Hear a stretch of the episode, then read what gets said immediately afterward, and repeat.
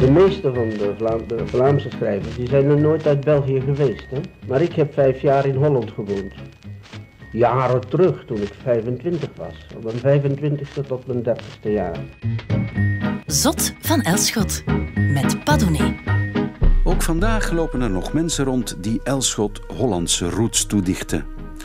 Gek, zei een Amsterdammer me onlangs nog. Die Elschot, ik heb altijd gedacht dat hij een van ons was.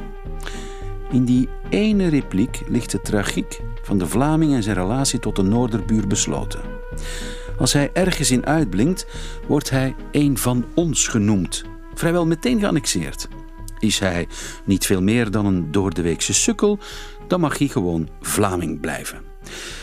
Ach, de Hollander is voor de Vlaming wat de mof is voor de Nederlander. Een boksbal om je Calimere-complex op bot te vieren. Elschot deed niet de minste moeite om verwarring te voorkomen.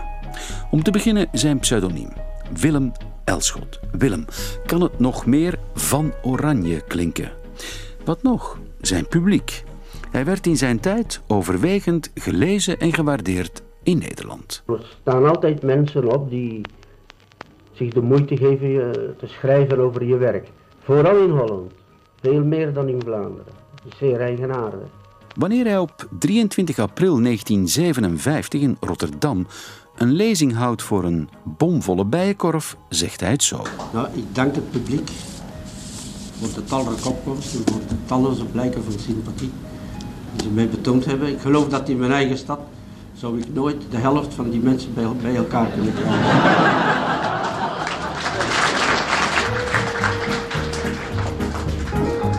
Ja, wat is de titel van Elschots bekendste werk? Kaas. Inderdaad, een oer-Hollands product. En wat meer is, als we toch op zoek gaan naar die roots, die Hollandse roots van Elschot.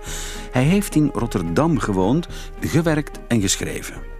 Van mijn 25ste tot mijn 30ste heb ik hier in Rotterdam op een kantoorkruk gezeten, schrijft hij. Mijn oudste zoon heeft hier school gelopen. Ik heb over de blaak gewaad bij hoge waterstand eenmaal cholera meegemaakt, veel te veel glazen in café Suisse gedronken, vlooien mee naar huis gebracht uit de oude binnenweg en de vreedzame tamtam gehoord van het matte kloppen dat iedere vrijdagavond verkondigde dat de klok tien geslagen had. En ik heb mijn eerste roman geschreven in diverse benedenhuizen van de Snellingstraat. Die eerste roman was Villa der Rose.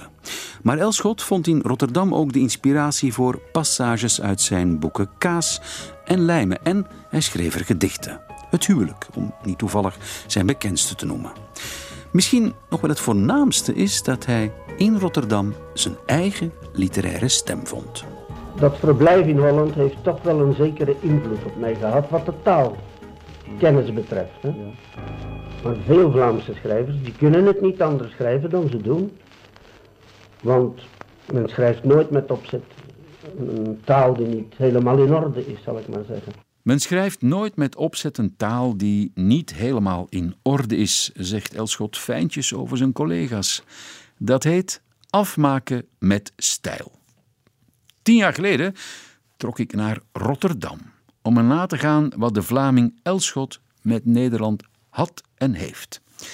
Ik had er een afspraak met auteur Arnon Grunberg en s'avonds met uh, doctorandus P., die precies vijf zomers geleden overleed. Maar eerst de Snellingstraat, de straat in Rotterdam waar Elschot heeft gewoond. Hij woonde er in drie verschillende huizen, weliswaar niet op hetzelfde moment. Dat zou nogal overmoedig geweest zijn. In de Snellingstraat word ik opgewacht door Peter de Bruin, Elschotjaan in hart en nieren, literair vorser voor het Constantijn Huygens Instituut en bezorger van het verzameld werk. Peter heeft de hele handel en wandel van Elschot in Rotterdam uitgeplozen. Wees mij een betere gids aan en ik zal zeggen dat je wacht. Peter de Bruin, begin van de Snellingstraat, nummer 1. Wij moeten waar zijn? Eerst naar nummer 7. En dat is nog het overgebleven oude stuk van de straat waar Elschot uh, als eerste gewoond heeft. Uh, vervolgens is hij naar 22 verhuisd. Dat is inmiddels afgebroken, er staat nieuwbouw. En het einddoel is 49, want daar heeft hij het grootste deel van zijn eerste verse En ook Villa de Roze geschreven. Wat en had, hij eigenlijk, wat had hij eigenlijk met die Snellingstraat? Toen Elschot er kwam, eh, was het een vrij nieuwe wijk. Eh, een, een, een middenstandswijk, eh, redelijk gegoed. Eh, als je de oude foto's ziet, dan heeft het ook nog iets statigs. Nu is het inderdaad omgeven door lelijke nieuwbouw, zodat je weinig meer proeft van de sfeer die hier heerste. Maar het was echt een, een keurige burgermanswijk waar allerlei mensen werkten en woonden. die in het Rotterdam van 100 jaar geleden waren komen aanwaaien om hier hun eh, bestaan te vinden. Zoals Willem Elschot of Al Alfons de Ridder. Ja, het aanwaaien, meneer De waar het over heeft, dat moeten we wel heel letterlijk nemen. Nu, we gaan even in een portiek staan of zo, want het waait hier verschrikkelijk. Ja. Is dat altijd zo in Rotterdam? Eh, volgens mij wel. En dat is even met eh, het zeeklimaat te maken. Het is hier ook ruim opgezet. Dus de wind heeft hier ook Ik denk dat het 100 jaar geleden wel eh, heel anders was. Het was ook dichter op elkaar gebouwd. Eh, 100 jaar geleden waren er geen mobiele cameraatjes om elke scheet of zucht die je liet vast te leggen. Elschot liep drie jaar in Rotterdam rond, maar daar is geen enkele foto van overgebleven als er al een is gemaakt. Het enige wat blijft zijn getuigenissen van Elschots jeugdvriend Arie Delen bijvoorbeeld. Hij herinnert zich een bezoek dat hij aan hem bracht in de Snellingstraat samen met de dichter Jan van Nijlen. En daar leest Elschot zijn Villa de Rose voor, terwijl hij, dat was toch uitzonderlijk, in tranen uitbarst. Volgens eh, de verhalen eh, zijn ze voortdurend eh, verhuisd vanwege het vocht. En het werd te klein en hij moest weer verkassen. Hij is hier overigens niet begonnen. Hij is ergens in een pension begonnen hier in Rotterdam. Vervolgens kwam zijn vrouw en kind kwam over en toen zijn ze hier neergestreken. Zijn vrouw werd ook eh, de juffrouw zonder gordijnen genoemd. Omdat ze zo vaak verhuisde dat ze niet eens meer tijd had om die gordijnen op te hangen. Walter heeft later ook verteld dat eh, op een gegeven moment de dozen ook niet eens meer werden uitgepakt. Eh, Walter is de zoon hè? de zoon van Elschot. van ja. Elschot, die kwam dus als klein ventje hier mee naar Rotterdam. Echtgenote Fine en zoon Walter hadden het in Rotterdam niet gemakkelijk, hoewel het ook zijn voordelen had. Fine was al zeven jaar een ongehuwde moeder in Antwerpen en nu ze in Rotterdam kwam wonen, was ze eindelijk verlost van dat stigma van ongehuwde moeder zijn. In die tijd was dat zeker zo. Niemand kende haar verleden daar. Maar ze kreeg er ook af te rekenen met iets wat helemaal nieuw voor haar was: vlooien. Toen ze zwanger was van eh, mijn zus Adèle, permitteerde ze zich een hulpje in de huishouding, schrijft Ida, haar dochter. Reeds de eerste dag vroeg het meisje: Mevrouw, zal ik vlooien vangen? Als hoorde dit bij de dagelijkse gang van zaken. Moeder, zo netjes en zorgzaam, was in paniek. Van vlooien wist ze niets. Tevergeefs trachtte moeder de vlooien te ontvluchten door te verhuizen, tot driemaal toe in dezelfde straat. Ik geloof oprecht dat hij zich hier thuis heeft gevoeld. En als je dan in aanmerking neemt dat hij natuurlijk hier komt als, als heel jong iemand. eh, hij schrijft een overvloed aan verzen hier. Zeker ten opzichte van eh, de jaren daarvoor. Hij begon hier weer opnieuw gedichten te schrijven. En hij wordt hier schrijver. En hij maakt hier dus ook mee dat de nieuwe Rotterdamse krant eh, zijn roman eh, bespreekt en, en, en nog talloze andere kranten. Maar dat dat hier is ontstaan. Ik denk dat dat bij hem achteraf dat zinnetje in de mond heeft gegeven. Dit waren de mooiste jaren van mijn leven. We moeten natuurlijk niet vergeten dat hij dit zei tijdens een interview wat ook hier in deze stad is opgenomen. Dus misschien was het ook om de interviewer eh, te plezieren.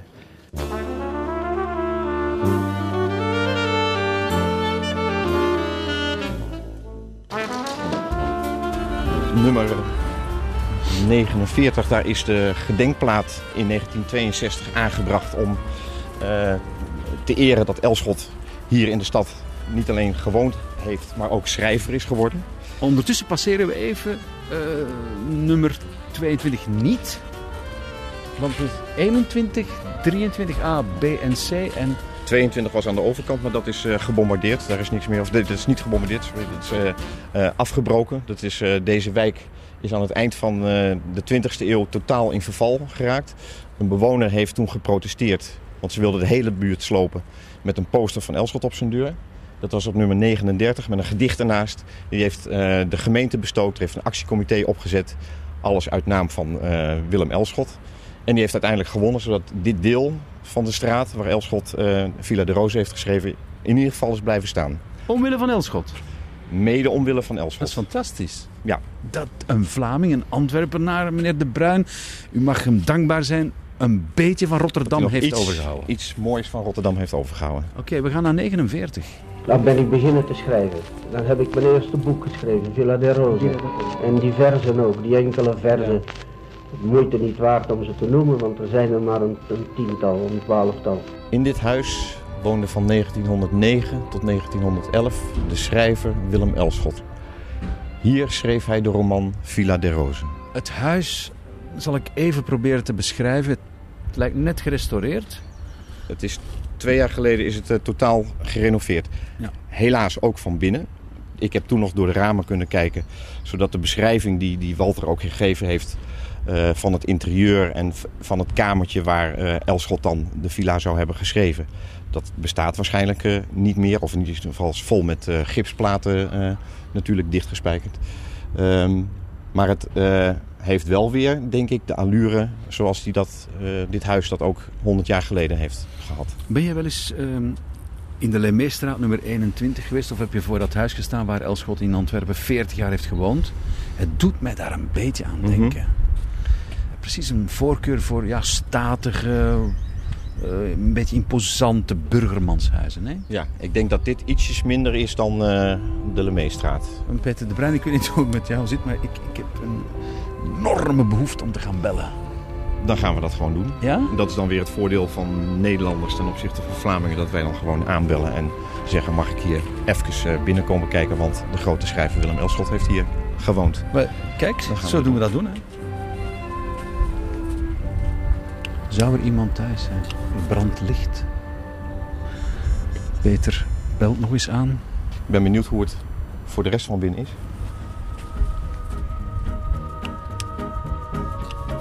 Dit, meneer De Bruin, of Peter De Bruin, doet mij een beetje denken aan de scène in Kaas. Ja?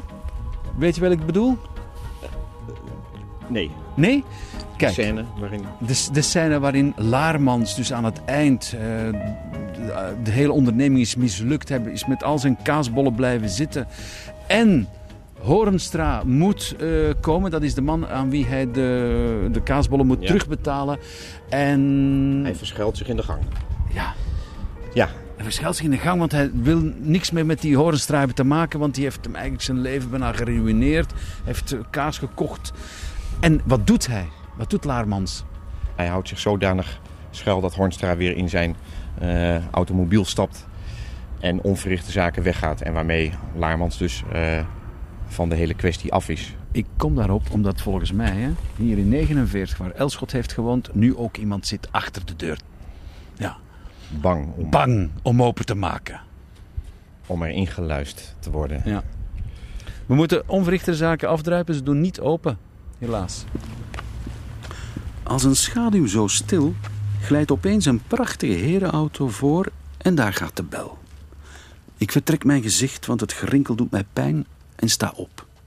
Ik hoor dat mijn vrouw in de keuken een emmer neerzet en door de gang komt om open te maken. Als zij ter hoogte van de salondeur gekomen is, wip ik de gang in en versper haar de weg. Ze wil voorbij, maar ik stoot haar terug. Zo had ik die kaas moeten terugstoten. Niet open doen, zeg ik sissend. Ze staart mij verwilderd aan als iemand die hulpeloos een moord ziet plegen. Voor het eerst, sedert ik haar dertig jaar geleden ontmoette, is zij bang. Ik zeg niets meer terug. Ik behoef niets te zeggen, want zij verbleekt en trekt op de keuken terug. Ik ga in een hoek van het salon staan, van waaruit ik de straat duidelijk zien kan. Wie van buiten naar binnen kijkt, ziet slechts een schemering. Mijn buurvrouw staat natuurlijk ook in haar salon op een paar stappen van mij af, dat weet ik. De bel gaat voor de tweede maal.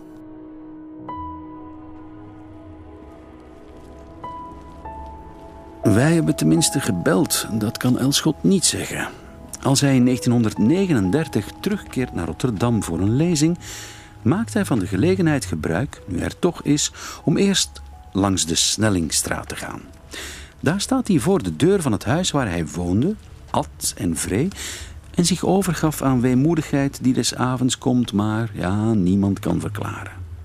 Hij staat voor die verdomde deur, twijfelt of hij zal aanbellen, maar durft niet en loopt de straat terug uit en gaat dan naar de Rotterdamse gemeentebibliotheek om eens een voordracht te houden.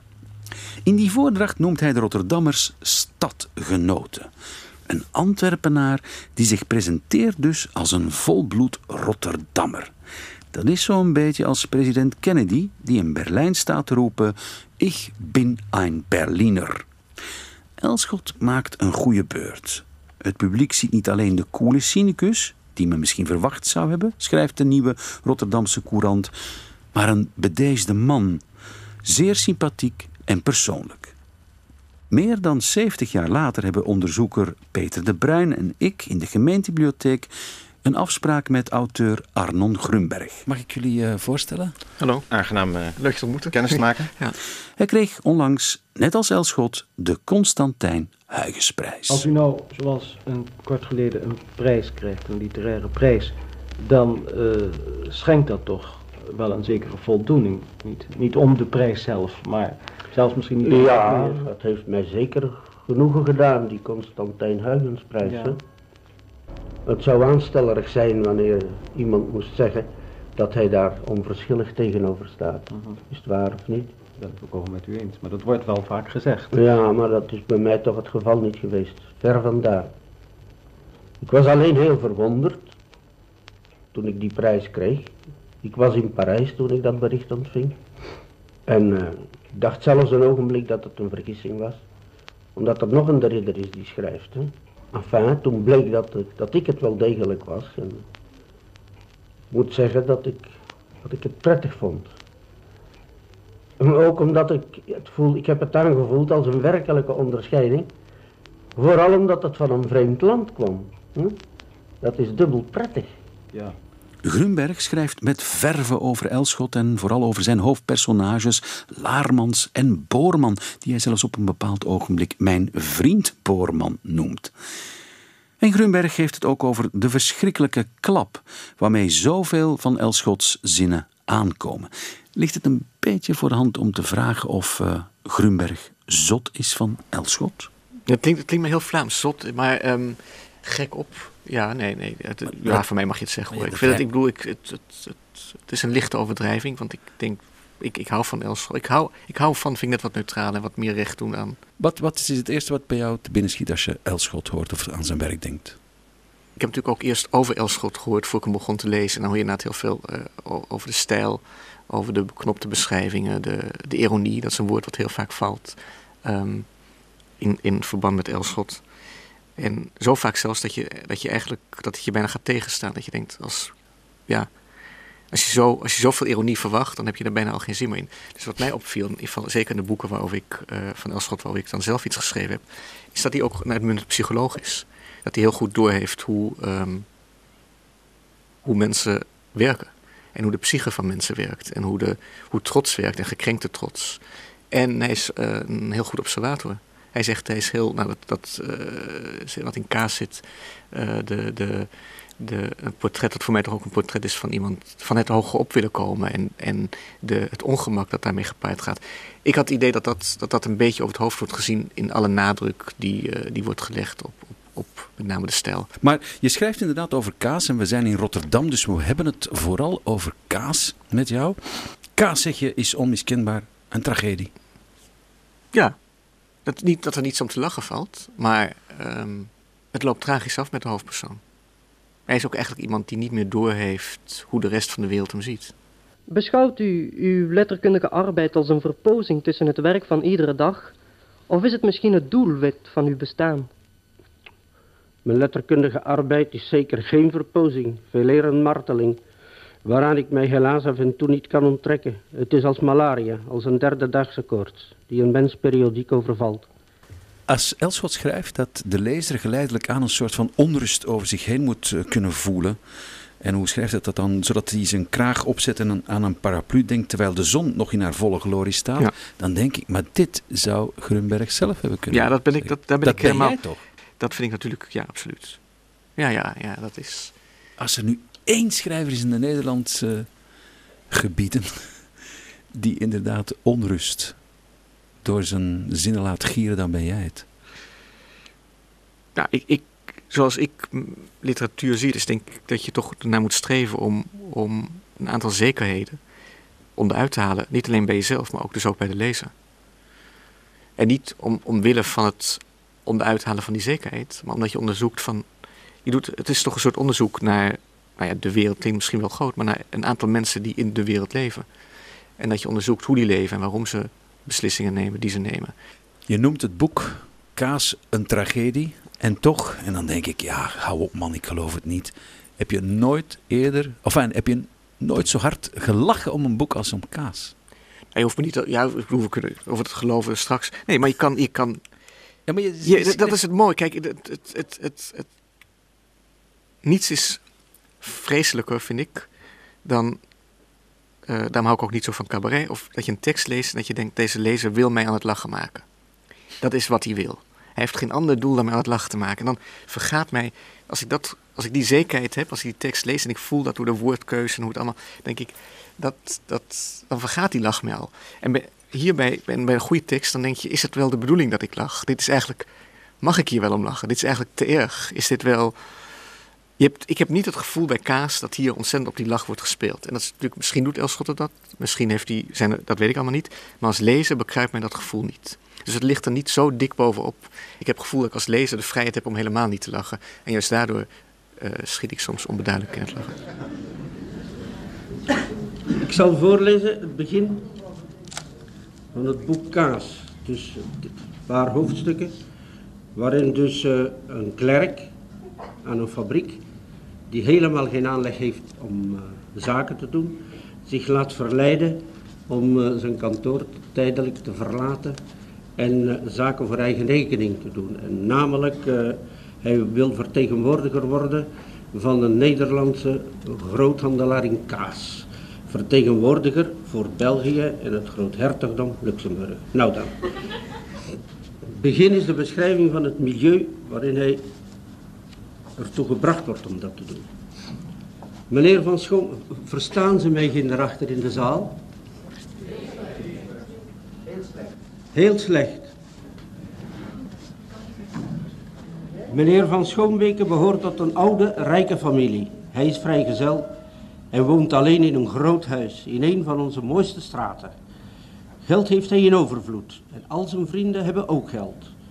Het zijn meestal rechters, advocaten, kooplieden of gewezen kooplieden.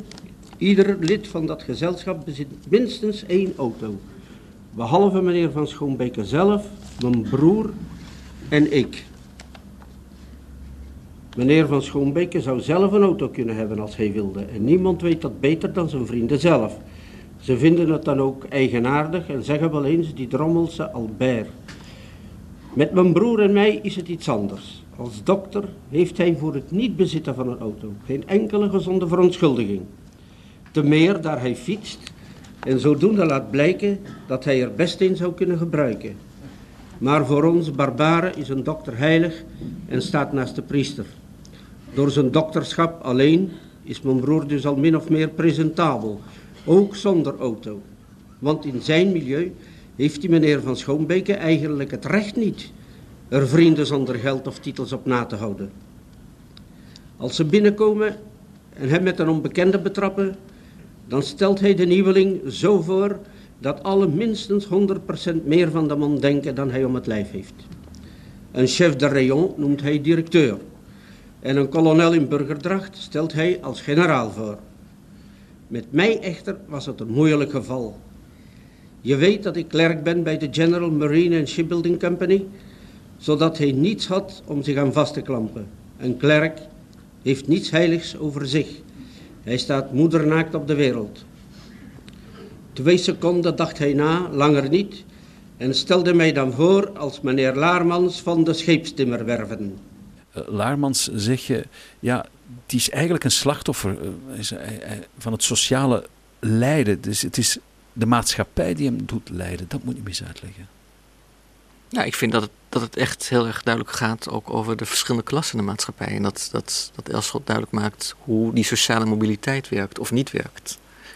in die zin is het, is het natuurlijk wel zijn ambitie, kan je zeggen, of zijn verlangen om iets voor te stellen uh, dat hem doet lijden.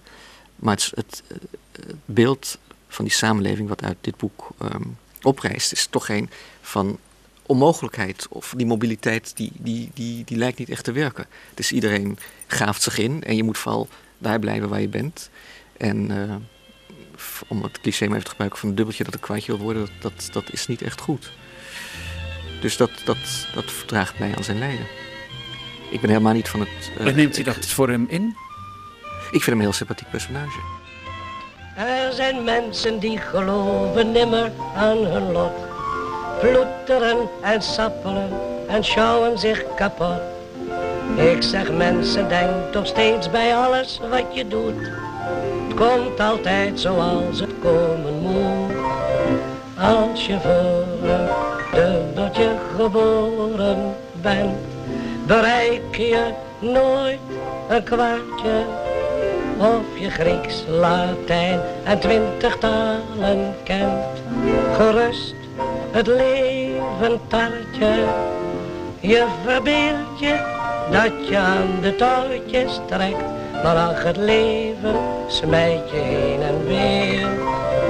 Als je voor een dubbeltje geboren bent, bereik je nooit een stuiver meer. Zot van Elschot met Padone. Laten we het eens even hebben over, over zijn taal. Hè.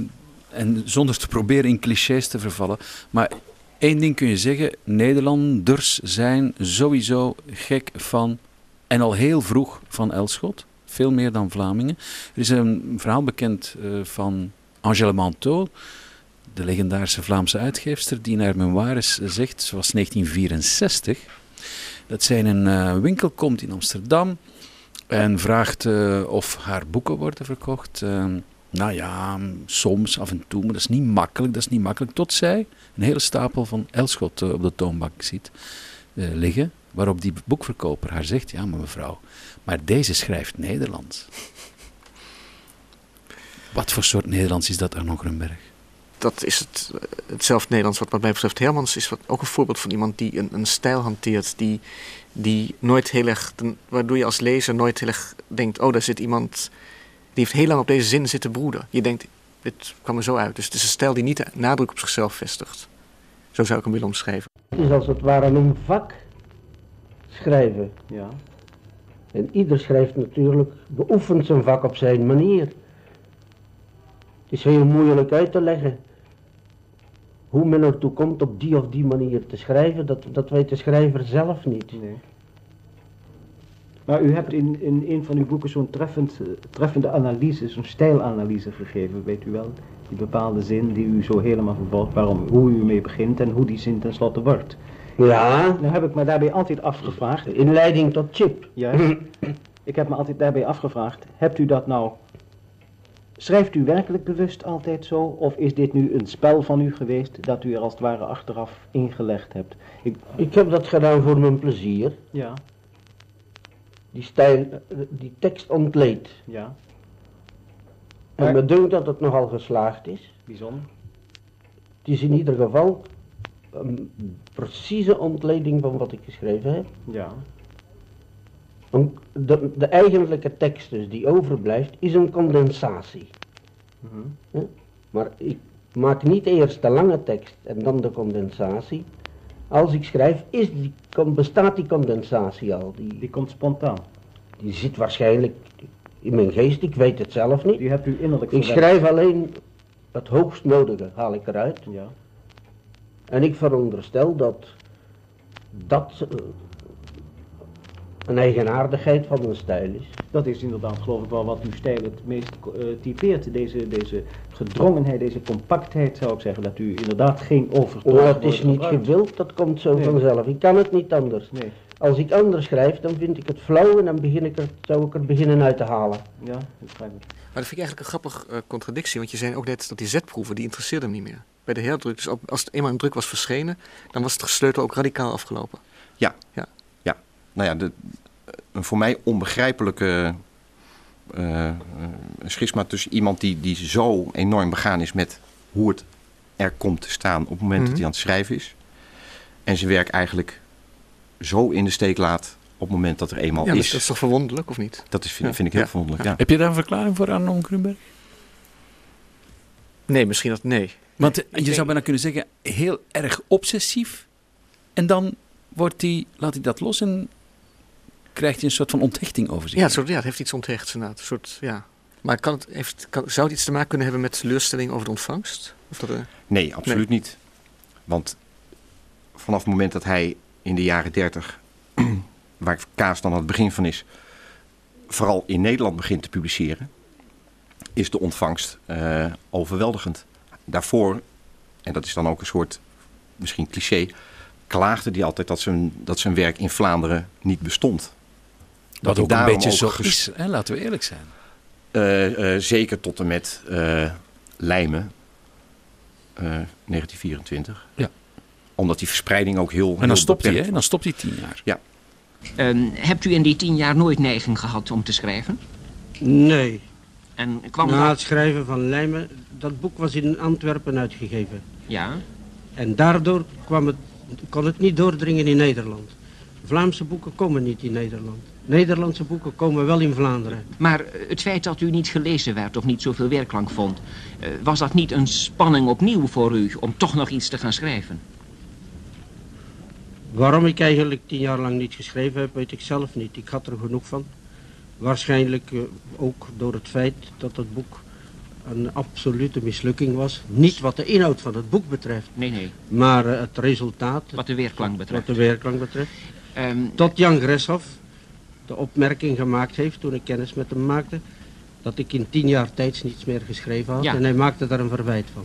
En, En, dan, inderdaad, door Gershoff, eh, die geeft hem dan weer zeg maar, eh, de aanstoot om Kaas eh, te gaan schrijven. Ik- maar wat- daarna is hij eigenlijk de gevier- gevierde auteur in Ja, de jaren 30. maar wat ik merkwaardig vind, Peter de Bruin, een schrijver die tien jaar stopt met schrijven, dan vervolgens heel eh, productief wordt, tot 1946, 47, laatste gedicht schrijft over Borms en Fini. Dan ook weer, weer 13 jaar niet meer schrijft. Hoe, kan dat toch? Dat laatste eh, geval, daar, valt nog wel iets over te zeggen. Hij heeft het wel weer geprobeerd eh, in de jaren 50. Het is zeker zo dat eh, de kwestie Borms hem gefnuikt heeft. En dat hij ook helemaal niets meer met het literaire wereldje te maken wilde hebben. Hij was ook teleurgesteld. Er Ja, ging, Borms eh, ging over een gedicht over een Vlaamse activist die werd ter dood veroordeeld. ja, Kreupelen. En dat is hem zeer kwalijk genomen dat hij dat heeft gedaan. Hè, dat hij het heeft opgenomen voor een collaborateur. Ja. En hij stopt dan met schrijven echt uit onvrede. Ja, maar iedereen eh, keerde eh, zich ook tegen hem.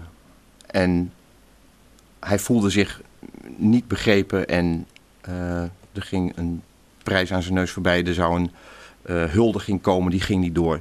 Dus hij voelde zich als toch de gevierd auteur die hij was van het ene op het andere moment totaal aan de kant gezet. Of beter gezegd, in een hoek gedrukt. Zou ik de zaak zo mogen stellen?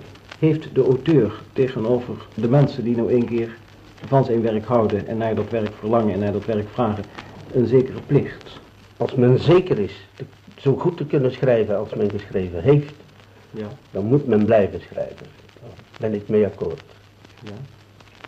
Maar wanneer men die zekerheid niet heeft, dan heeft men het recht niet meer te schrijven. Het is dus zo dat als u niet meer schrijft, dan komt dat omdat u niet verwacht, laten we zeggen, uw eigen pijl te handhaven. Dat is misschien wel de reden, ja. Maar u hebt daar geen... Ik heb daar geen ze- daaromtrent geen zekerheid. Maar eh, dat vrees ik toch. Arnon Grunberg. Als je schrijft over Elschot, eh, je moet intelligent en kwaadaardig zijn om kaas te kunnen schrijven. Dan schrijf je ook, je moet intelligent en kwaadaardig zijn om Grunberg te heten. Ik denk dat je intelligent moet zijn om een boek te schrijven. En ik denk dat een roman, dat, dat er iets kwaadaardigs zit in de romankunst aan zich. Dat, eh, welke, ik kan me eigenlijk geen goede roman eh, voor de geest halen waar niet een zekere kwaadaardigheid in zit. Maar ik, ik hou sowieso heel veel. Ik heb, moet zeggen, dat merk ik ook. Dat is niet alleen bij mijn eigen boeken, maar ook bij heel veel andere boeken. Mensen die dan personages heel onsympathiek vinden, die, die vind ik eigenlijk heel. ehm, ja, heb ik een zwak voor. Ik vind niets niet zo onuitstaanbaar als een personage dat alleen maar goed is. Hoe heet je? vroeg Boorman, waarop ik natuurlijk Laarmans antwoordde. Dat gaat niet, zei de man. Nee, Laarmans is onmogelijk. Vooral in een land waar de klanten zelf eenvoudig Mosselmans, Biermans en Borremans heten. Jij heet voortaan Teixeira de Matos. Dat is nog eens een naam. Vind je niet? Maar geen naamkaartjes laten drukken hoor, want je moet oppassen. Ik zal je alleen zo noemen omdat Laarmans er beslist niet door kan. Wie is Boorman voor jou? Wat voor iemand is dat? Boerman is, Boerman is voor mij iemand bij uitstek die, altijd, die, altijd, die de hele wereld ziet vanuit het oog van de ander. Die altijd denkt en die daardoor zo'n goede manipulator is. Nou ja, uiteindelijk ook niet, maar toch iemand. Ik denk om goed te kunnen manipuleren moet je ehm, eigenlijk heel veel van jezelf. eh, op, het gaat helemaal niet om wat jij bent of voorstelt, het gaat steeds om die ander. Dus Boerman is ook iemand die toelaat dat iedereen alles op hem projecteert. Wat dat betreft heeft hij eigenlijk ook iets, een heel vrouwelijke eigenschap, denk ik. Er zit iets vrouwelijks in Boerman. Kunnen vrouwen dat beter? Nou, ik denk dat, dat als je. Ja, dat, we gaan, misschien gaan we nu iets te ver van Elschot af, maar bijvoorbeeld het idee van de femme fatale. Dat is toch ook juist. De femme fatale is bij uitstek iemand, de, de vrouw die eh, ervan toelaat dat de mannen alle fantasieën op haar kunnen projecteren. Dus zij is eigenlijk een soort. Ja, zij, is, zij is open. Zij is de blik van de ander die op haar valt. En dat heeft Boerman natuurlijk ook een beetje. Hij, iedereen kan zien in hem wat ze willen zien. En hij voelt, hij voelt die verlangens heel goed aan. Dat, dat vind ik ook knap. Terwijl je zegt, eh Arno Grunberg, wat typisch Boorman is, is typisch Grunberg. Heb ik dat gezegd? Dat citeer ik letterlijk Oh jee. uit een boekje zelfs, mijn vriend Boorman. Oh, dan ga ik het even, even erbij pakken. Nou, is dat, Ja. maar goed, dat is... Ja, kijk, ja, maar mensen Dat, en wat typisch. Boerman is, typisch, daar staat het, ja. Ik weet niet of jij dan zo'n gezellige mens bent. Maar dat heb ik ook nooit beweerd, toch? Ik heb hier, niet binnengekomen met... nee. Hallo, Het is- hier is zij. nee. Drink Ik heb- wat. Ik neem nog wat water. De ene is nu eenmaal grootsprakerig, de andere is ingetogen. Een ieder gaat als het ware onbewust zijn eigen gang. Als er van mijn werk maar iets overblijft, meer verlang ik niet. Mijn enige doel is geweest iets voor te brengen dat klassiek is of het later worden zal.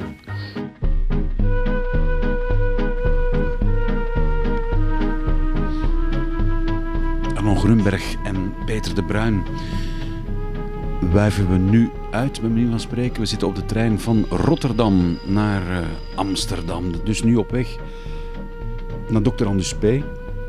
Dr. Anders P. ontmoet zijn gasten heel graag in Hotel Pulitzer. Op dit moment heb ik de meeste behoefte aan koffie. eh, waarna ik eh, zonder morren zal overgaan tot iets feestelijkers. Dankjewel. Hoogbejaarde man van 91, maar toch nog altijd een beetje dat kwaai jongetje gebleven van 16 dat hij altijd al is. Meneer Polzer, ehm, u heeft eh, Willem Elschot niet persoonlijk ontmoet, maar het had er misschien wel ingezeten.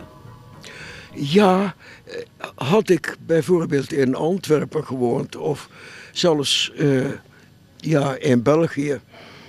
Ik denk dat ik de reis ondernomen zou hebben.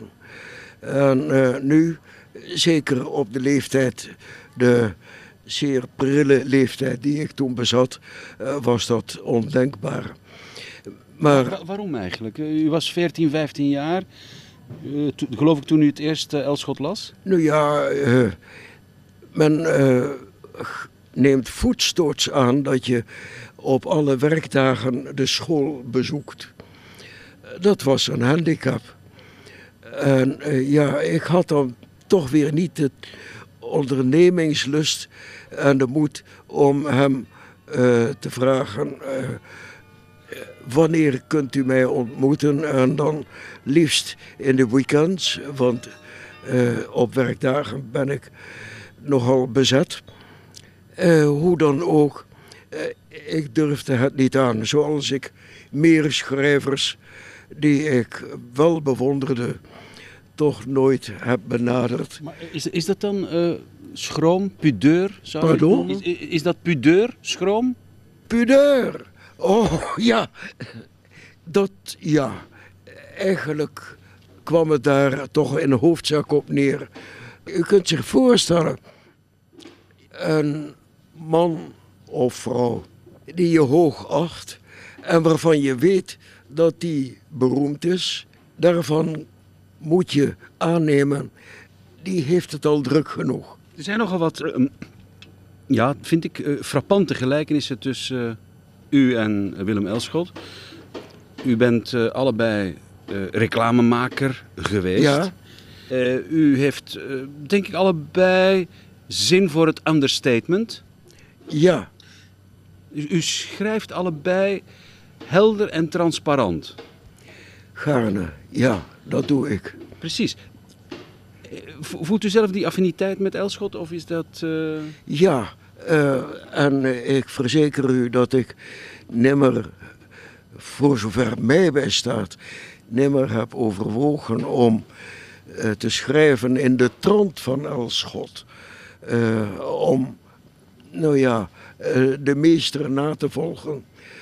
Maar inderdaad, de manier waarop hij vertelt of betoogt is zo glashelder en tegelijkertijd zo genietbaar dat eh, je eh, daardoor beïnvloed wordt.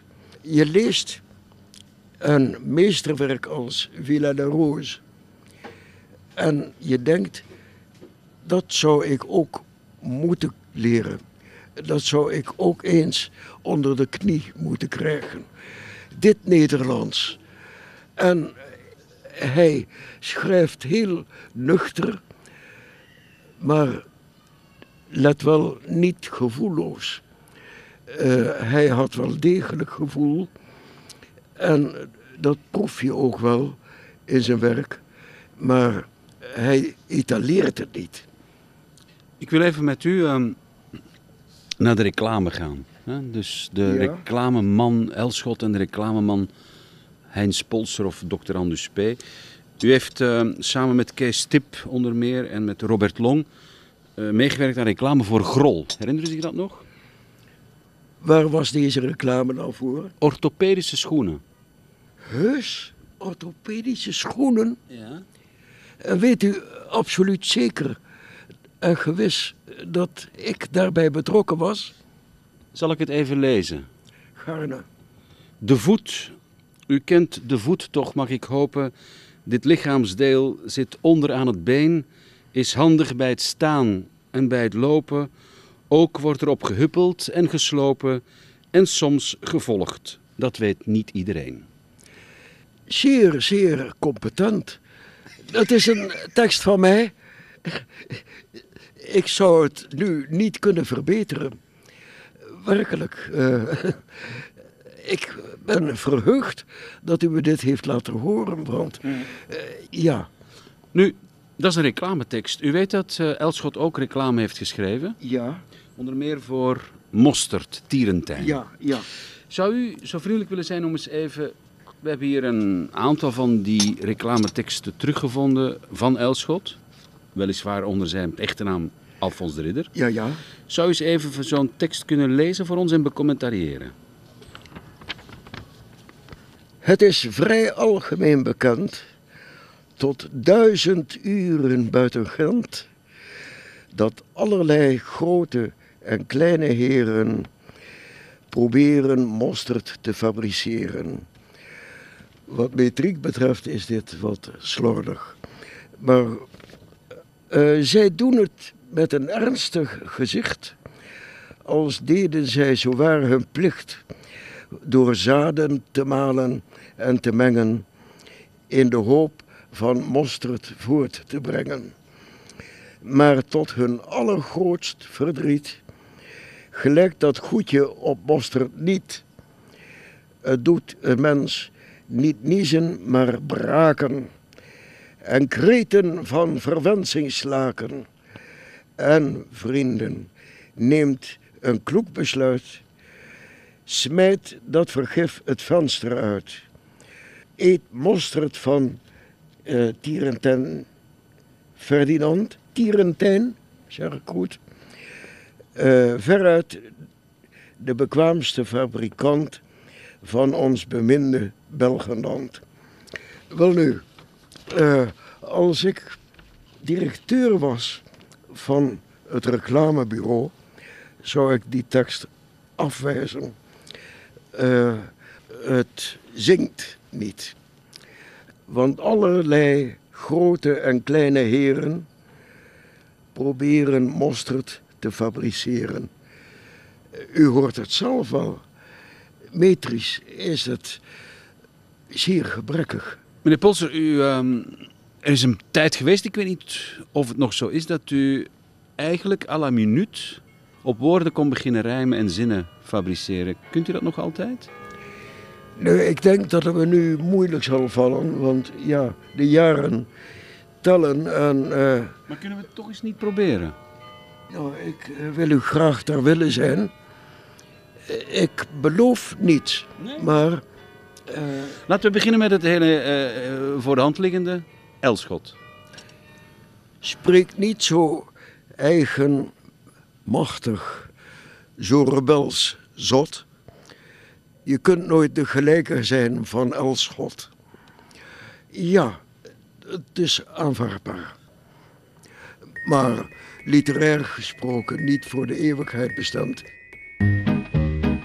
Een schrijver die kan een uh, ouderdom bereiken waarop de mensen een beetje uh, medelijden met hem moeten hebben, nietwaar? Hem niet voor een wagen moeten spannen wanneer hij niet meer trekken wil. Hè? Dit was de vierde aflevering van Zot van Elschot. Je kunt beluisteren via clara.be, de Clara-app of podcast. Heb je wat op het hart dat je van de lever moet? Schrijf naar elschot.clara.be. Morgen trek ik in de laatste aflevering eh, met wetenschapsfilosoof Jean-Paul van Bendegem naar zee. Naar Sint-Idesbald, een pleisterplek voor een schrijver. En uh, noblesse oblige, Elschot krijgt het laatste woord.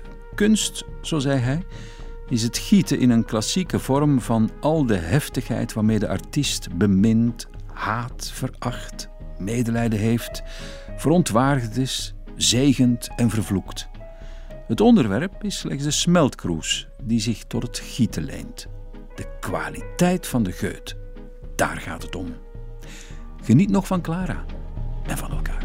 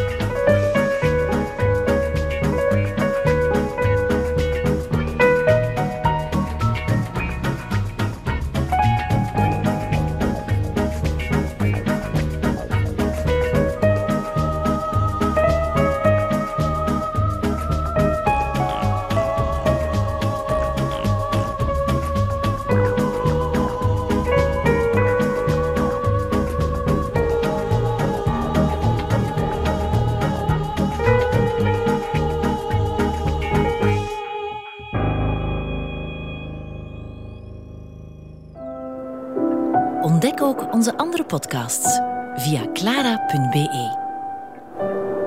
Clara Podcast. Blijf verwonderd.